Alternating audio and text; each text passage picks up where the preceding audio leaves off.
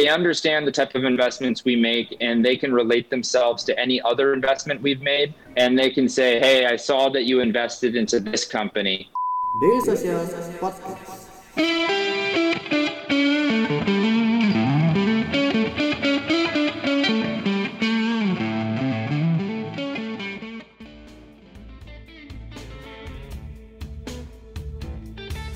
Visi Talks kembali hadir bersama saya Yani Yusra dan kali ini kita akan berbincang-bincang dengan Justin Jackson, Southeast Asia Manager for Pegasus Tech Ventures. Hi Justin. hello Hi. Thank you for uh, the time. I know that we have a different time right now, which Yes. is awesome, right? You are in the States, me in Indonesia. So uh, before we talk about uh, what is Pegasus Tech Ventures and what is your main uh, focus on startup, maybe you can introduce yourself. What is your position and what is your responsible for Pegasus Tech Ventures? Yeah, sure. So uh, my name is Justin. Um, I'm an investor at Pegasus Tech Ventures. I've been with the firm about two years now. Um, so I manage a variety of different responsibilities from uh, U.S.-based investments to Southeast Asia activities and operations. Uh, I also manage and work with our, our public relations and our marketing team. Um, I also uh, manage hiring and a few other responsibilities. Um, I actually worked for a contract manufacturing family office company that had uh, operations in Shenzhen for a few years after Okay. college. I went to uh, University of San Diego, majored in finance, and uh, uh, you know played uh, football there. Okay, so you have a different experience before you joined Pegasus, right? Yes, so yeah, so it was like working for like a family office and Okay. um, you know doing some operations, doing some business development, corporate development, and I have the kind of China uh, you know connection as well. What makes you? What what triggered you to join a, a? Is there any reason that you shift to join Pegasus? Yeah, no, I mean it was not planned. Um, Oh, really? respects. I mean, it. You know, I, I was I was looking for a variety of things. You know, I think Okay. as everybody kind of goes through a career choice, you know, you're you're looking at different things, and and you don't really know how it's going to play out at the end of the day. So, um, you just need to try and um, you know do the best you can with the opportunities you have. So. Um, you know, it turned out to be a great fit. It fit my Right. personality and my interest, and um, so it's been good ever since. In Indonesia, a VC scene is kind of new, uh, even though uh, we have already established since 2013. But the the the environment, the ecosystem itself is uh, is uh, new right now. Uh, other than like the in, in the states, right? It's already established like five or six years ago. So. When you join the Pegasus Tech Ventures and you're chiming in the Southeast Asia market, what is the difference between between VC scene in the States and in Southeast Asia? Yeah, so um, I think you know they're actually fairly similar, more so Really? than you would think. You would think, um, you know, everybody, uh, you know, tends to know each other. Uh, they tend to have an idea on, you know, what you might be interested in. Uh, there might be more VCs here in the U.S. Probably is what I would I would say. I mean, so you know, the dynamics are similar, but there's just more here. So you're likely Right. not to know everybody, but um, you know, it's you know, it's always a good uh, win-win, you know, uh, conversation with other VCs because you you always want to, you know, work together closely and you know say, okay, so what are you guys looking for? Great, we're looking, you know, we're looking at this. What do you think? Mhm. And you know, it's a lot of win-win opportunities. So I think the dynamics are similar. There just is probably more here. So that's Yeah. Talk to me about Pegasus. What kind of startup that uh, you are aiming for? Is it fintech? Is it health tech? Because uh, on-demand and logistic is very popular right now in Indonesia. Do you have specific category that you are aiming for?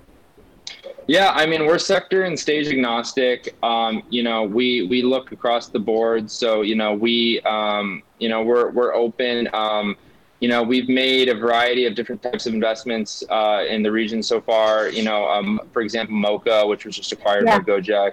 Yes. Uh, Bridestory, which was acquired by Tokopedia.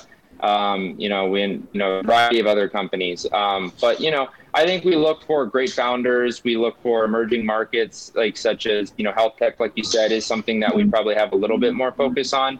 Uh, we also do like logistics, um, Yeah. fintech. We're we're just getting into fintech.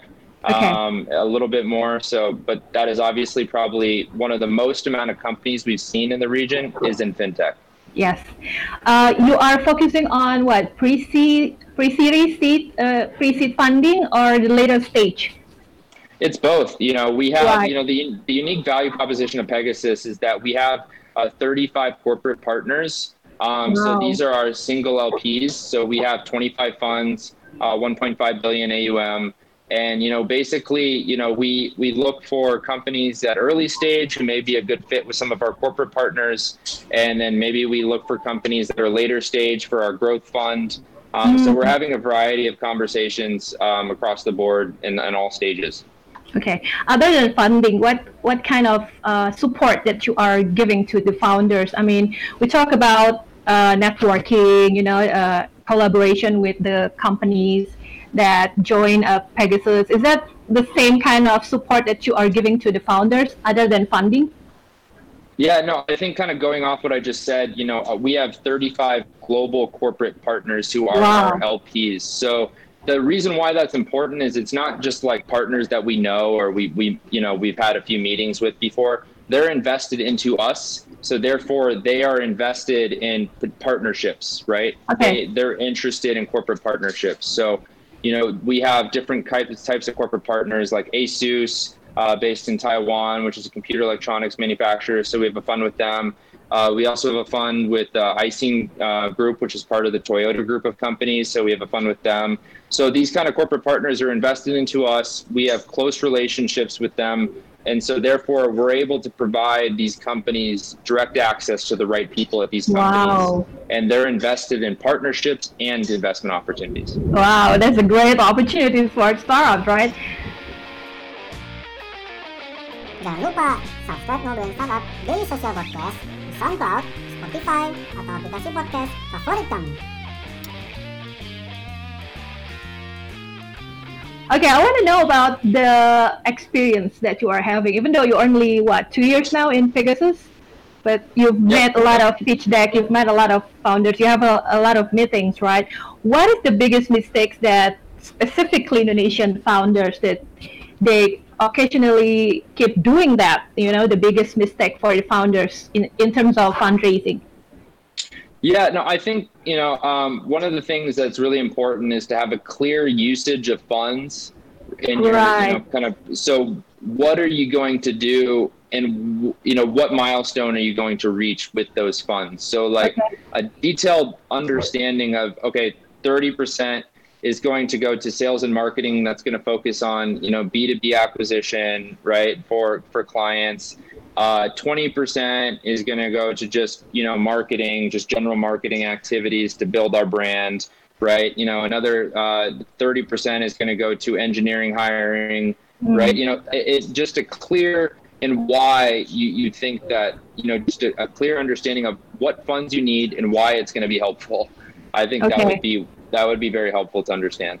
Are you looking for a solid business model or a good founder in terms of startups? Founder, founder for right. sure. Um, really? Because a good founder can pivot multiple times and then define the right business model and then, you know, and then get going. So, you know, I, I, I you know, if you have a right business model, right, but the founders, uh, you know, not as as great, then that business model, you know, it, I usually business models need to go through some few iterations anyway. Most of the time, it's not always right. going to be. So it, it, I think founder for sure. Okay. Uh, during this pandemic, there's a lot of diversification uh, in terms of startup uh, business. They change, they add, they pivot, and so far it works for them. Uh, we have a lot of uh, local startups that added more to to the service. Do you think it will be the momentum for startups to make the diversification uh, during this pandemic? Um, you know, I, I would I, I don't want to say that it's it's the wrong thing because whatever right. it takes to kind of survive is important um, at the end of the day and thrive in this environment. So, you know, if if that's what they need to do, then then that's what they need to do. Oh. Right? So, you know, I think it's important to to do whatever it takes to continue to go and to continue to grow, to continue to build customers, continue to learn. Mm-hmm. Um, you probably you don't want to get too uh, unfocused, like right. you're doing too many different things. But um, you know, if it's helpful um, and to help them, you know, you know, build more revenues, generate more customers, and extend their runway, then then sure. Yeah. Okay, like uh, I want to mention one uh, one startup that uh, introduced their new service in Indonesia, like Zalora. They provided health and beauty products uh, when the first focus they are uh, giving to Indonesian market is fashion, which is for me is a bit, you know, uh, um, different than than their most focus. So what are you trying to say is as long as you still keep focusing on your core business, adding more values is not going to change anything, right? Well, if it doesn't cost you a lot of money to Right. get get those customers, then then I think it's okay. Mm. Um, but if, if you're spending a ton of, I think you know excessive spending on customer acquisition probably is Right. not a great idea, right? Okay, so uh, a lot of startups founders and uh, some VC says to me that the most interesting startup that they are aiming for is the one that are not aggressively looking for money right now. What do you think about that, Justin? Yeah, no, I think I think that's a common theme um, in general. Is Right. that you know if you know any um, it, it's it's a dynamic that that you know uh, VCs have to play and that startups have to play. So startups need to you know make it so it seem like they don't really need anything, and then and then Very hard to get right.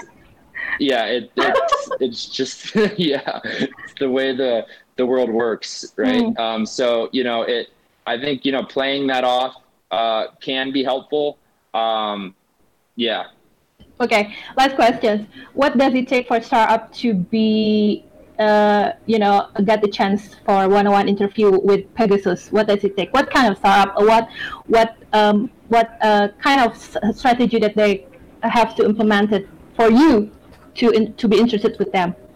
yeah so i think you know the best way is for them to look at our website and understand Right. the type of investments we've made in the region right Mhm. And then if they understand the type of investments we make and they can relate themselves to any other investment we've made, and they can say, "Hey, I saw that you invested into this company, right? Right. One of one of your portfolio companies.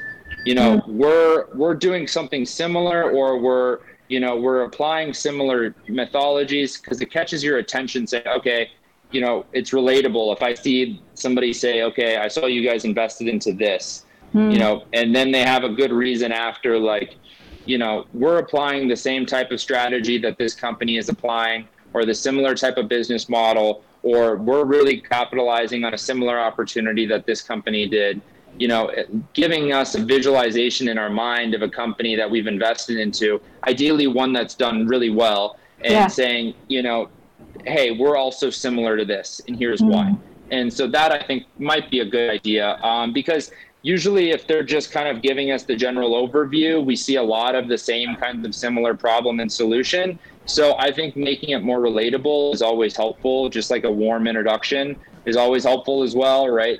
Those are those are those are important. Okay, thank you so much, Justin.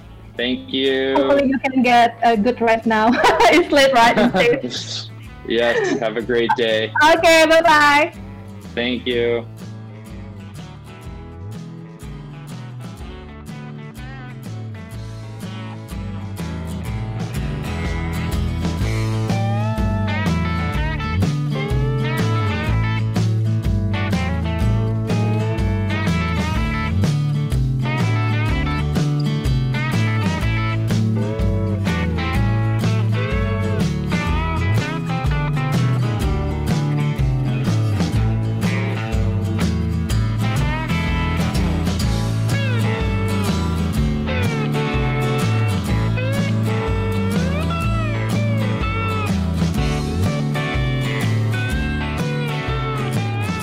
Terus keep in touch bersama kita di dailysocial.id untuk website kita. Di Facebook kita ada dailysocial.id, di Twitter kita ada @dailysocial dan di Instagram kita ada @dailysocial.id. Di LinkedIn kita ada Daily Social dan di YouTube kita ada Daily Social.